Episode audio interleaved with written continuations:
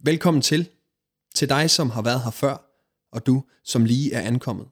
Vi er København Vineyard på Frederiksberg. En kirke med et inderligt ønske om, at du føler dig inkluderet, inspireret og involveret i den rejse, som Gud inviterer os alle sammen med på. Vi håber, at den næste tid med podcasten på Play vækker opmundring, udfordring eller genklang lige der, hvor du er. God fornøjelse. Tusind tak. Tak for de rigtig fine ord, Flemming. Det sætter jeg virkelig pris på. Øhm, det glæder mig øh, ja, at være her også bare, og, øh, og være sammen med jer. Jeg har været tidligt op her til morgen, stået klokken 6 for at nå mit tog. Det holdt stille i Fredericia, og jeg var bange for, at det ville holde stille i rigtig lang tid, så jeg ikke kunne nå herhen. Men øh, det begyndte at køre igen, så øh, jeg er her, og det er jeg virkelig glad for. Jeg nåede lige at blive lidt nervøs. Men øhm, jeg har jo haft god tid her til morgen til simpelthen bare at glæde mig til at komme herhen. Det var en skøn tur, der var solskin, og bøen er ved at springe ud, men det jeg simpelthen bare glædet mig til, var at komme hertil og være sammen med jer. Øh, jeg har virkelig glædet mig utrolig meget til det. For mig så markerer øh, i dag også øh, en ny begyndelse på en måde. Ikke på en måde, men faktisk en ny begyndelse. Det er noget tid siden, eller lidt tid siden, at jeg jo fandt ud af, at jeg skulle være præster, og jeg har bare gået og glædet mig mere og mere, men jeg føler, at det er sådan for alvor på en eller anden måde begynder i dag, nu hvor jeg er her, og det har jeg simpelthen bare set så meget frem til, øh, mere og mere, øh, som dagene de ligesom er skrevet frem, og også stadig skrevet frem. Og det er også lidt stort for mig, det med, at jeg øh, ender med at blive præst. Allerede da jeg gik i gymnasiet, der tænkte jeg, jeg vil gerne være præst. Det var der ikke øh, mange på min alder, øh, der tænkte min gymnasium, jeg tænkte, hvad, foregår der for det? Og øh, nu øh, er er jeg ved at blive det, og øh, det er jeg simpelthen bare øh, så glad for. Og for mig er det også et vidne om Guds trofasthed øh, i mit liv, øh, og ja, at han har virkelig bare været med øh, hele vejen i det. Ja, som Flemming sagde, så er jeg gift med Nina. Vi har været gift i cirka et års tid, og øh, det er vi bare rigtig glade for. Og ja, jeg glæder mig også til, at øh, hun kommer med hen, og, og hun glæder sig også til at møde jer mere. Lidt om mig selv. Øh, ja, jeg studerer teologi, er kandidat øh, om et års tid.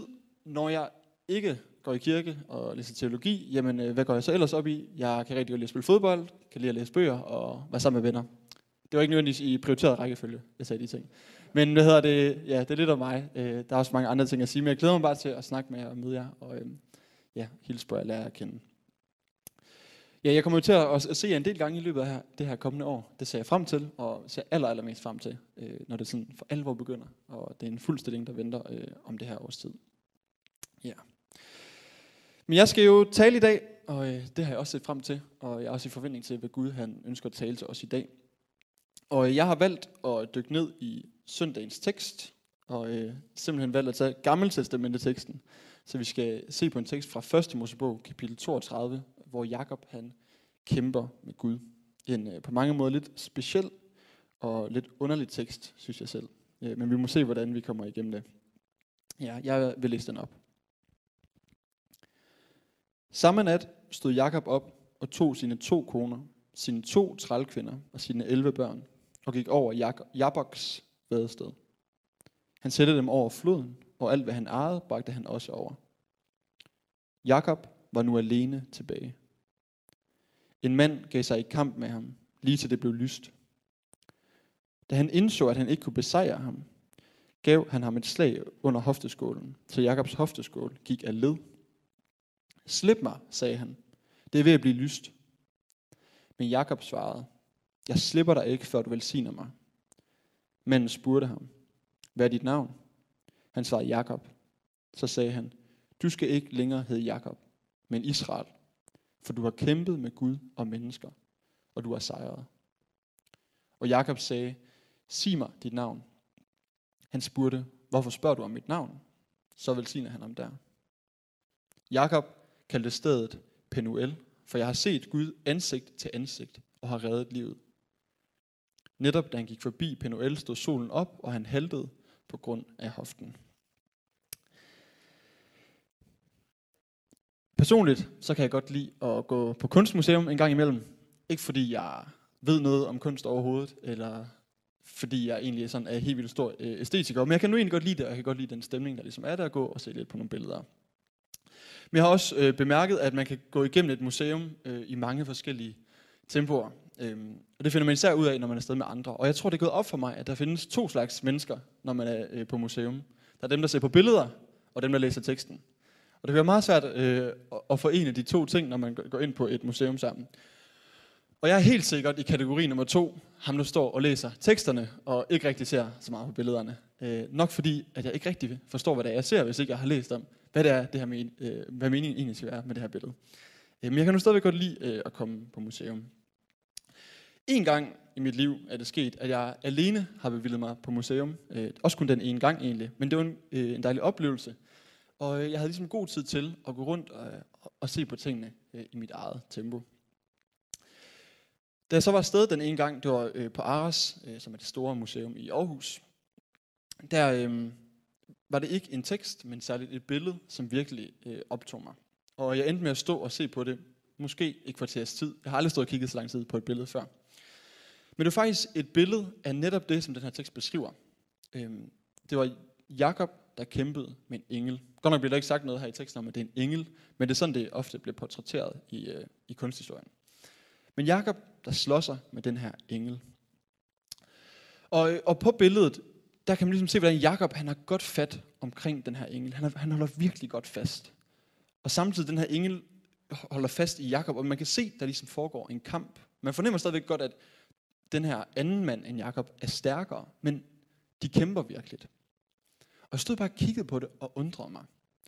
Og jeg blev ligesom bare ved med at undre mig. For jeg forstod ikke helt, hvad det var, der foregik. Og det tror jeg faktisk stadigvæk ikke helt, jeg forstår. Jeg synes, at det er mystisk. Jeg synes, det er mystisk. Og faktisk også en smule provokerende, at Bibelen beskriver, at en mand, som ender med at blive karakteriseret som Gud, slår sig med Jakob. At Gud selv kommer og slår sig med et menneske. Jeg synes faktisk, det er lidt provokerende. Og der er mange spørgsmål, jeg synes, jeg har, når, når jeg, både da jeg stod på det billede, og også når jeg læser den her tekst. Øhm, et af dem kan være, var det virkelig en reel kamp? Var det en slåskamp?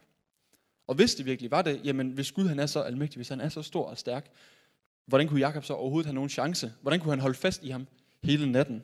Det synes jeg, det er underligt. Og hvad er betydningen egentlig med det her? Hvad siger det her om Gud? Hvad siger det her om Jakobs relation til Gud? Jeg tror, jeg synes, det her det er en af de mest mystiske tekster, der faktisk er øh, i Bibelen. Den kommer helt sikkert i en top 3, synes jeg. Og øh, det, som er med det mystiske, det er, at det på en eller anden måde rækker ud over det, som jeg kan forstå. Det rækker ud over det, som bare er rationelt.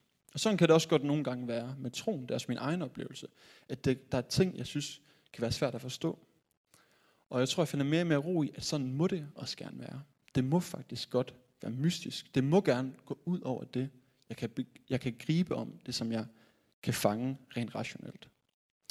Det er ikke øh, noget, jeg bare finder på. Det er noget, som folk har talt om op gennem hele kirkehistorien. De store kirkefædre har mange af dem har talt om troens mysterium. At troen er noget mystisk. Der er noget, som er svært at forstå. Og sådan som jeg tror, det er med det, som er mystisk. Det, som er med en tekst som den her, det er på en måde en invitation.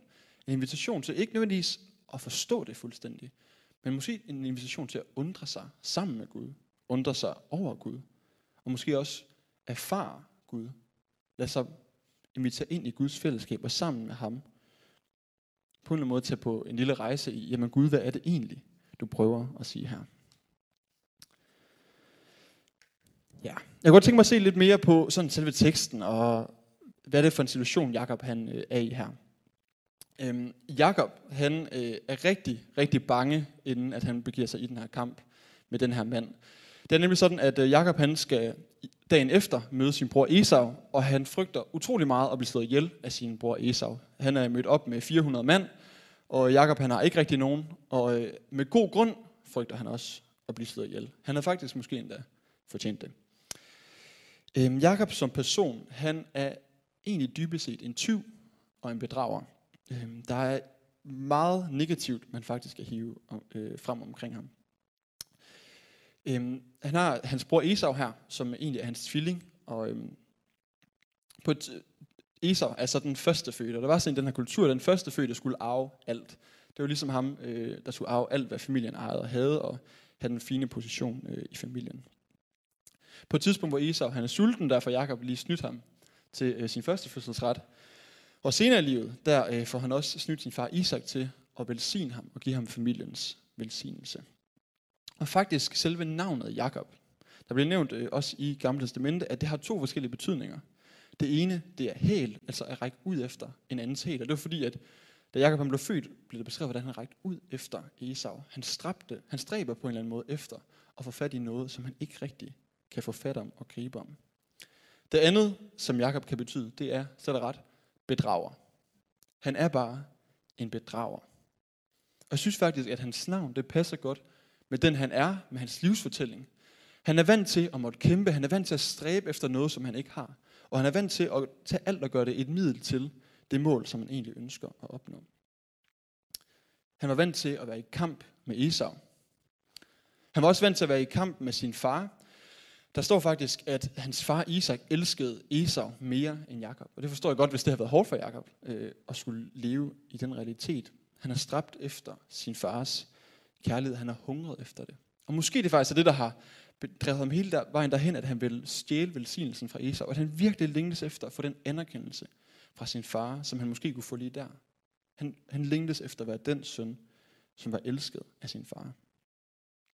Det kan også være, at det bare var stræben efter succes og arve en masse penge, arve alt det, som familien havde. Det kan være, det var det, der fik ham til at bedrage sin bror, bedrage sin far, bedrage hele sin slægt. Men i hvert fald, Jakob han er nødt til at flygte. Han er nødt til at flygte fra Esau. Esau vil slå ham ihjel. Jakob flygter hen til sin onkel, bliver bedraget af sin onkel, ender med selv at bedrage sin onkel. Det fortsætter simpelthen bare, det her spil. Øhm, men kort og godt, hvis man skal sætte Jakobs liv lidt på spidsen, indtil det her tidspunkt, det er, at hans liv var en lang kamp. Han var vant til at kæmpe og kæmpe, og kæmpe vant til at skulle kæmpe for sin identitet, kæmpe for sin plads i verden. Og rigtig ofte, så mislykkedes det måske egentlig ikke. Ja, der er meget skidt, vi kan hive frem omkring Jakob. Men noget godt, som vi også skal hive frem, det er, at i den her situation, hvor han er presset op i en krog, han frygter, at måske han skal miste sit liv i morgen, der ved han, at han har brug for at være alene. Han har brug for at være alene sammen med Gud. Der står i teksten, Jakob var nu alene. Han har sendt de andre væk, så han kunne være sammen med Gud. Og der er en ting, vi kan lære. At være sammen alene med Gud, det betyder ikke nødvendigvis, at Gud han kommer og møder os på den måde, som han mødte Jakob her. Men min egen erfaring er også bare, at ofte, når jeg er alene, når jeg prioriterer den tid alene sammen med Gud, det er også der, jeg oplever, at Gud han møder mig, at Gud han taler til mig, øhm, at Gud han også velsigner mig. Ja. Men i hvert fald så sker det så her, mens Jakob er alene, at den her mand kommer og begiver sig i kamp. Og jeg synes, det er så mærkeligt, at det er ikke Jakob, der begynder at slås, men det er manden, der kommer hen og begynder at slås med Jakob. Og Jakob han vil heller ikke slippe ham. Det er ved at blive morgen, når man råber, slip mig, det, det bliver lyst, men han vil bare ikke slippe ham. Det fortsætter hele natten det her. Og så beder øh, Jakob den her kendte bøn. Jeg slipper dig ikke, før du velsigner mig. Jeg slipper dig ikke, før du velsigner mig. Jeg tænker på en måde, når jeg hører det, at det godt kan være endnu en gang, hvor Jakob han er ude efter at få en eller anden velsignelse lige nu og her. Han er endnu, endnu en gang har lyst til at tage en, den situation, han nogle gange er havnet i, og gøre den til et middel til et andet mål, han har. Et middel til, eller det mål, han havde, var måske at opnå igen den her succes, som man ser, han hele tiden stræber efter igennem sit liv. Men jeg tror faktisk egentlig ikke, jo mere man ser på teksten, at det er det, som egentlig er på spil for ham øh, den her gang. Fordi her som natten den øh, skrider frem, så øh, har de jo kæmpet, og jeg tror godt, Jakob han lige så langsomt finder ud af, at det måske ikke bare er en mand, men at det er Gud, som han kæmper med. Det ser vi også, at hvorfor ville han send, sige sådan en bøn her, hvis det ikke var, at han tænkte, det var mere end et menneske. Jeg tror, han indser, at det måske faktisk er Gud selv, som han kæmper med. Og det er sådan, at øh, der står flere steder i Gamle Testamentet, at man ikke kan se Guds ansigt og beholde sit liv. Og nu er det ved at blive lyst.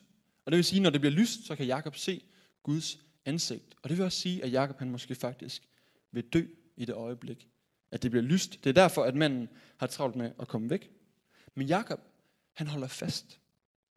Han vil have den velsignelse. Jeg tror faktisk godt, man kan læse det som om, at Jakob han siger, jeg slipper dig ikke, øhm, når han siger, jeg slipper dig ikke, før du velsigner mig. så kan man forstå det som, at han vil have Guds nærvær i sit liv.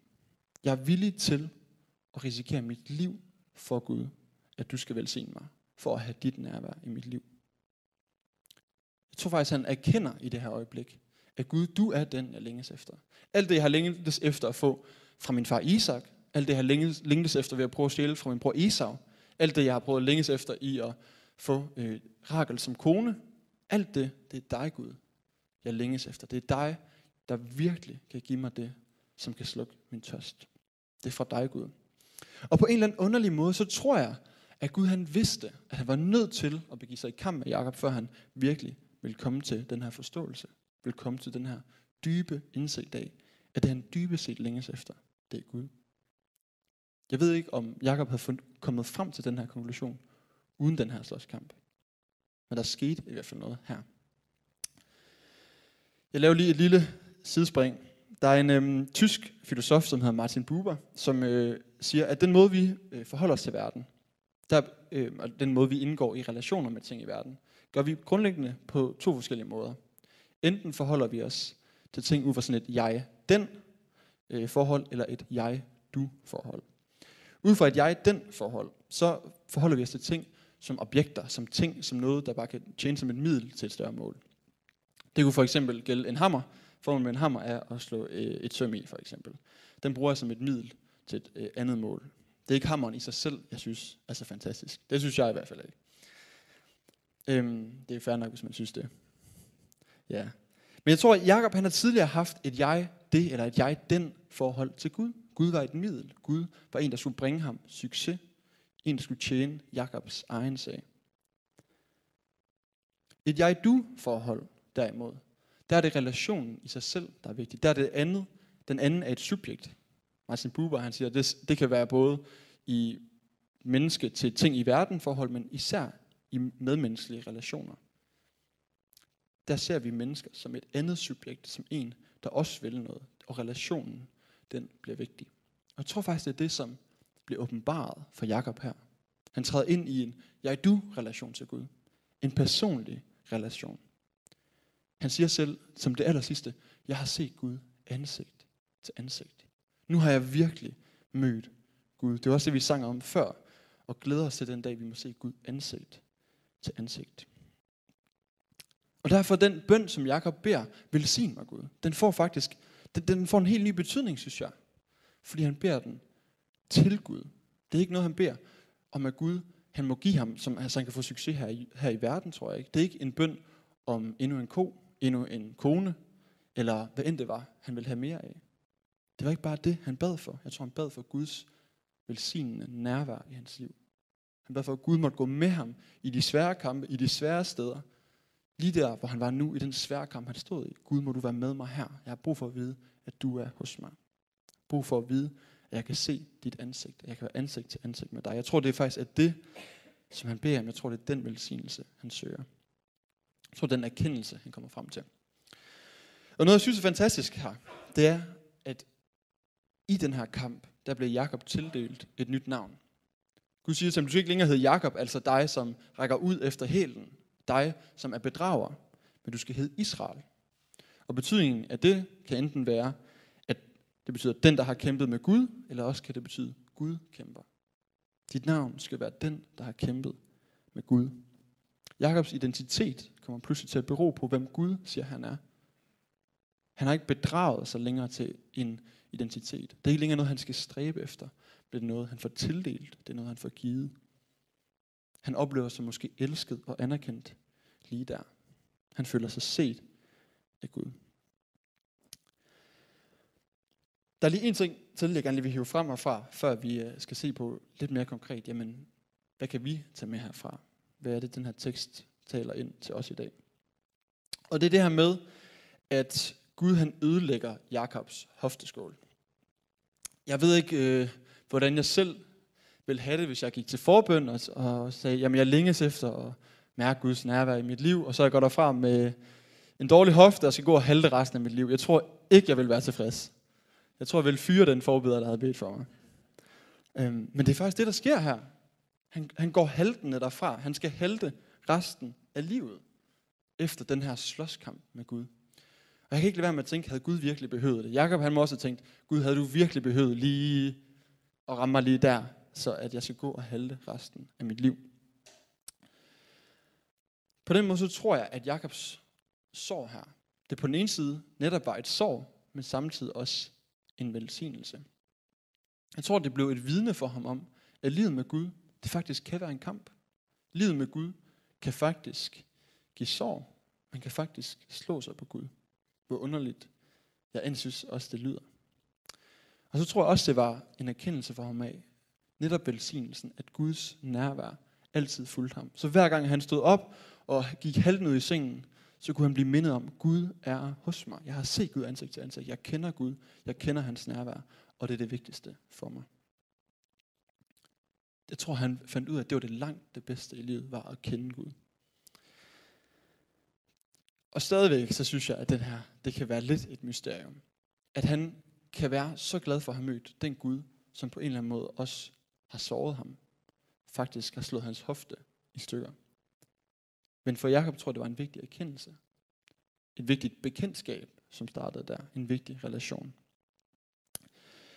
Ja, og jeg kunne godt tænke mig så at se på, jamen hvad, hvad kan vi tage med herfra i dag? Hvad taler Gud til os? Og den ene ting, det er, jeg vil gerne snakke lidt om, hvad betyder det her for os som fællesskab, og det andet det er, hvad betyder det for mig som person? Og til den første, øhm, så, det er i hvert fald personligt, der har jeg et stærkt ønske om, at mennesker de må møde Jesus. At de må lære Gud at kende. Det er mit ønske for dig, uanset hvad du er kommet med i dag, uanset hvor godt du kender ham. Øh, så er det mit ønske for mennesker, at de må kende Gud inden for første gang, eller dybere og dybere. Og jeg tror nogle gange i den brand for, at, at Gud må møde mennesker, så kan jeg i hvert fald godt tage mig selv i nogle gange, og gøre det hele lidt for simpelt nogle gange faktisk. Jeg vil gerne gøre Gud sådan helt vildt let at forstå, så det kan være rigtig let for mennesker at få lov at møde ham. Og der er også noget ved Gud, som er meget simpelt egentlig, og noget, som er meget lige til, og noget, der er meget personligt og nærværende, og ikke behøver at være kompliceret. Men livet er også kompliceret. Og troen kan også godt være rigtig kompliceret. Det er ikke, det er ikke nødvendigvis Gud, jeg tror, der er kompliceret. Men det at tro på ham kan faktisk godt være kompliceret. Og det kan jeg nogle gange godt personligt have en tendens til at dreje udenom, give simple svar. Eller hvis folk kæmper med Gud, prøve at give nogle simple svar. Men det kan jeg faktisk egentlig ikke altid. Og så godt, jeg kunne tænke mig at stille os det spørgsmål, om vi tør tillade kamp med Gud. Om vi tør at være et fællesskab, hvor det faktisk er okay at sige, lige nu der kæmper jeg faktisk med Gud. Lige nu der er jeg faktisk midt i den der kamp, som Jakob, også var i. Lige nu synes jeg, det kan være svært at forstå. Tør vi tillade hinanden at være det sted? Og tør vi at gå hen ved siden af hinanden og være der sammen måske? Det er ikke altid, vi kan give en masse svar. Det var det, som Jobs venner de prøvede på. Give en masse svar. Det er ikke altid, vi kan give en masse svar. Nogle gange tror også, det er okay, vi siger, ja, det er faktisk svært at forstå. Jeg har ikke altid en god forklaring. Så tør vi at tillade, at nogle gange, så er det med det Gud, det er faktisk en kamp. Tør vi give hinanden plads til at være der. Det synes jeg i hvert fald selv er en udfordring, øh, jeg gerne vil tage i mit liv. Og så kunne jeg godt tænke mig at øh, sætte mere fokus på, jamen hvad betyder det her måske for mig og mit liv? Jeg ved ikke, om nogen af jer oplever kampe med Gud. Det kan godt være, at du ikke oplever det lige nu. Det behøver det slet heller ikke at være sådan. Jeg synes heller ikke konkret i mit liv lige nu, at jeg oplever, at min relation med Gud er kamp. Men det, sådan er det nogle gange. Og der kan være forskellige årsager til, at vi kæmper. Det kan være lidelse på grund af sygdom. Det kan være, at vi konstant beder om helbredelse, og bare ikke synes, at Gud han svarer. Vi kan kæmpe med Gud, fordi vi ikke synes, at han svarer på vores bønder. Det kan være, at det handler om økonomi, det kan være noget om vores familie, noget omkring nogle relationer. Vi kan bare kæmpe for Gud. Vil du ikke nok svare? Jeg beder og beder og beder, men vil du ikke nok svare Gud? Det kan være, at vi er, vi er skuffet over nogle ting fra Gud. Vi føler, at han har brugt nogle løfter, som han måske gav til os. Det kan også være synd, vi kæmper med. Synd, vi ikke føler, at vi bliver sat fri fra. Selvom vi bliver ved med at bede Gud om det. Det kan også være oplevelsen af, at Gud er stille at han har sagt, at han er nærværende, men jeg erfarer det bare ikke. Jeg ved ikke, om du kan identificere dig med noget af det. Det behøver du ikke kunne, men det kan også være, at du kan identificere dig med den kamp. Og der har jeg bare lyst til at sige, at livet med Gud, det kan være en kamp.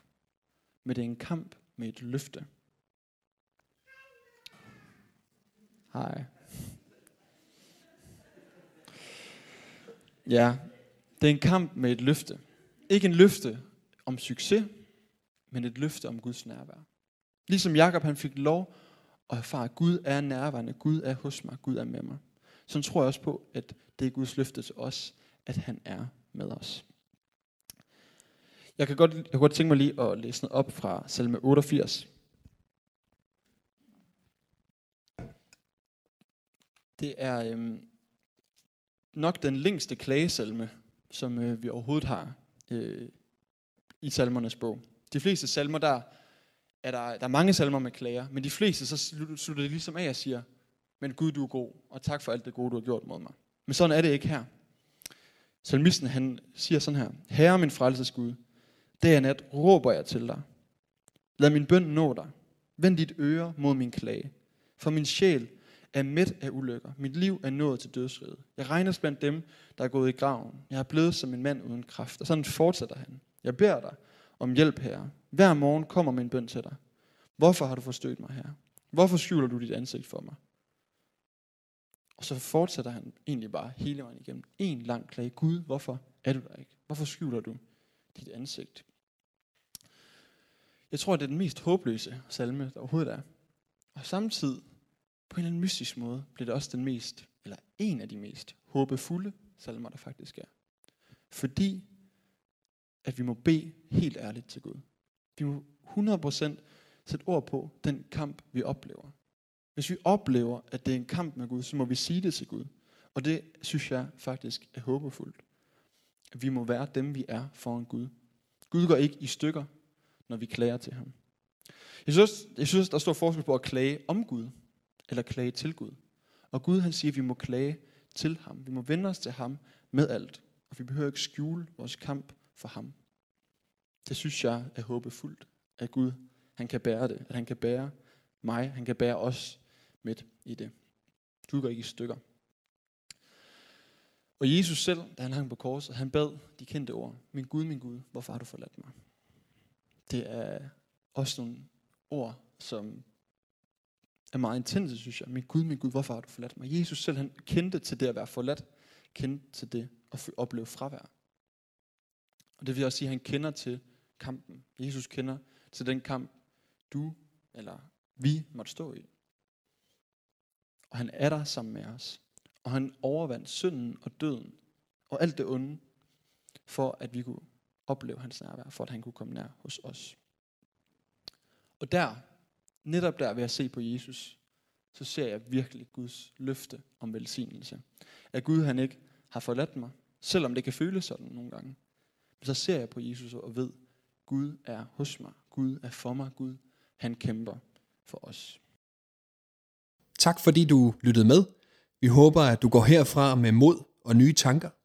Er du interesseret i mere fra København Vineyard, kan du finde os på Facebook, Instagram eller på vores hjemmeside. Du er altid velkommen forbi kirken på Nyvej 7 på Frederiksberg, både til gudstjeneste om søndagen eller i løbet af ugen. Guds fred og velsignelse til dig.